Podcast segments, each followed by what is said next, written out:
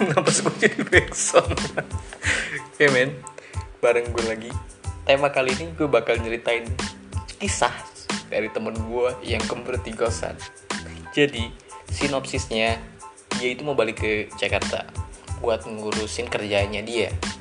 Tapi berhubung dia satu pekerjaan sama pacarnya, dia nanya dong ke gue. Ya udah ada ide-ide bengisnya dia anjing. Seorang lagi-lagi ide bengisnya tahu kan kemprut jadi dia itu tanya tentang hotel.